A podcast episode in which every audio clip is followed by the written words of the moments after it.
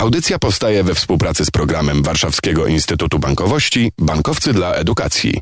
Trzy grosze o ekonomii. W nowym roku dzień dobry. Piotr Topoliński. Rozmawiać będziemy o nowych technologiach. W gospodarczym ujęciu było niedawno o płaceniu bezgotówkowym, o bezpieczeństwie płatności. Myślę, że do tych tematów jeszcze powrócimy. Dziś jednak porozmawiamy bardziej o tym, co się zmienia w podejściu do internetu i co się zmienia w naszych domach często i jak na to mm, powinni reagować ludzie gospodarki prawa, a także media. Biznes dla mediów, gdzie szukać wsparcia, by rozwijać nowe media? To pytanie zadaliśmy podczas szóstej Krajowej Konferencji Ogólnopolskiego Forum Mediów Akademickich. Gościem dziennikarzy studenckich był Michał Kanownik, który jest promotorem Patronite i prezesem Cyfrowej Polski. Rozmawialiśmy m.in. o podejściu mediów do gospodarki. Było również o tym, jak zmienia się rynek cyfrowy. Mówiliśmy m.in. o palących kwestiach w branży, przeregulowaniu rynku portali internetowych. Co to znaczy? Tłumaczył to w rozmowie ze studentami właśnie Michał Kanownik. Mieliśmy przez ostatnie lata na przykład gorącą dyskusję w, na poziomie europejskim na temat dyrektywy o prawach autorskich na jednolitym rynku cyfrowym, gdzie była mowa o portalach internetowych, o linkowaniu treści, o filtrowaniu treści na różnych portalach, żeby unikać czy to wykorzystywania cudzych treści przez portale, czy żeby unikać naruszeń praw autorskich. Dzisiaj mamy na rynku też w Europie dyskusję o Digital Service Act, czyli kolejnej regulacji, która ma unormować funkcjonowanie portali rynkowych na europejskim rynku cyfrowym.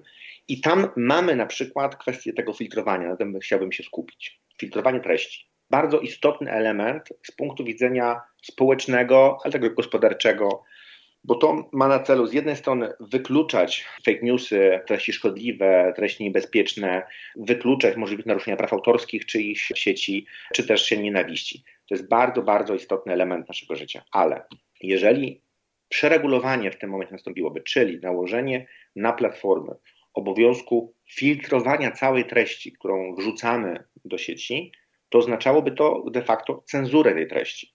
Bo to oznaczałoby, że każdy tekst, każdy komentarz, każde zdanie, które wrzucimy na Twittera, Facebooka czy inne medium, musiałby najpierw być przeczytane przez automat, nie szukamy się, żaden człowiek nie będzie czytał wszystkiego, co się pojawi w internecie.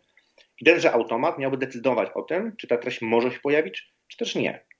I to byłoby klasyczne przeregulowanie tego rynku. Spowodowałoby zahamowanie e, w ogóle rozwoju platform e, internetowych, bo de facto nie można by było niczego tam publikować, bo zawsze ten automat by czegoś tam się uczepił.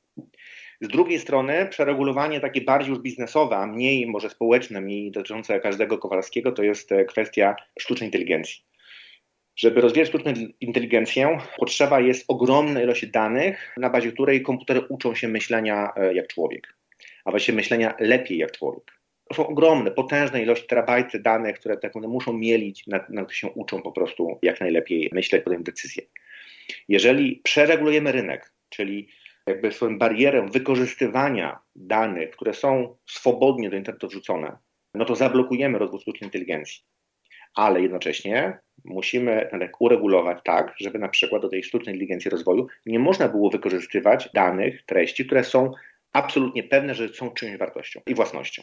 I wtedy to jest regulacja, ale nie przeregulowanie. Ale jeśli stworzymy barierę, że każda treść musi być zdiagnozowana, czyją jest własnością każde zdanie w internecie i właściwie musi zgodzić się na to, żeby wykorzystać tę, treść do uczenia maszynowego, no to już jest przeregulowanie. Takie dwa przykłady, jedno bardziej życiowe, dotyczące każdego z nas, bo filtrowanie treści, z drugiej strony bardziej biznes, czyli sztuczna inteligencja, budowanie przyszłości myślenia maszynowego.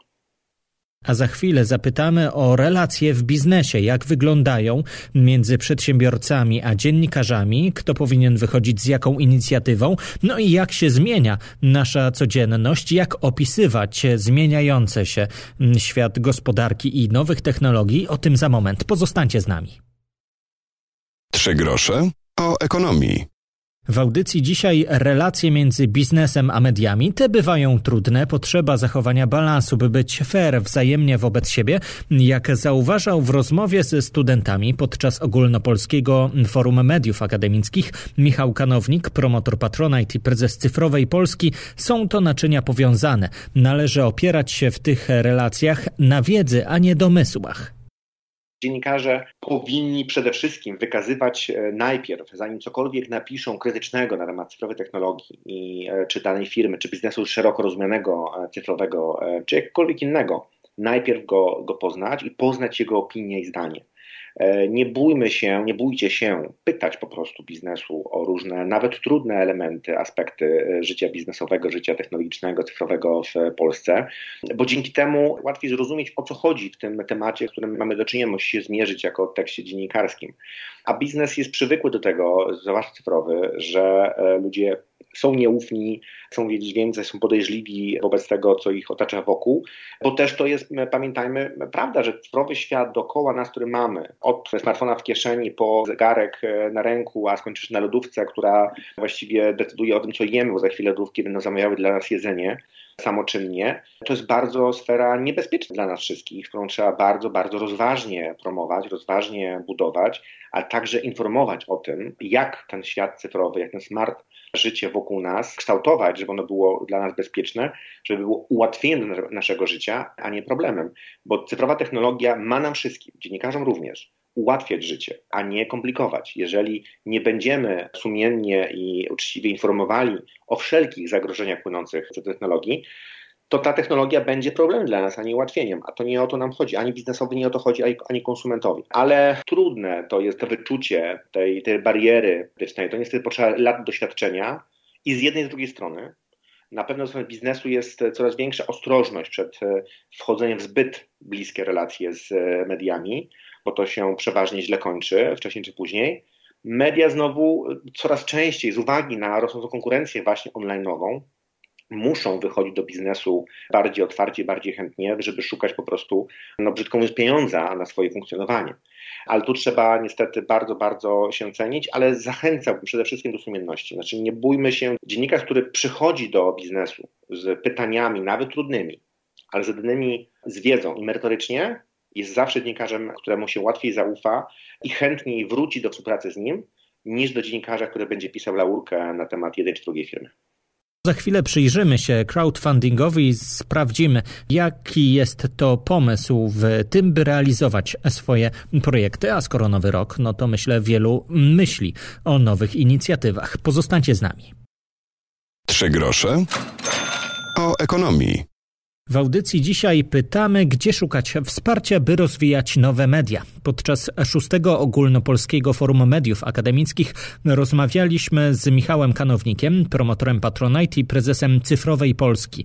Rozmawialiśmy o wsparciu, którego mogą szukać dziennikarze, ludzie z pasją. Wy również możecie swoje pomysły przekuć w biznes, na którym można zarabiać. Wespół w zespół z patronami, czyli osobami, które za niewielką kwotę dokładają się do tego interesu, by razem zbudować pałac. Jest wiele osób, które chcą wspierać w naszym kraju dobre pomysły.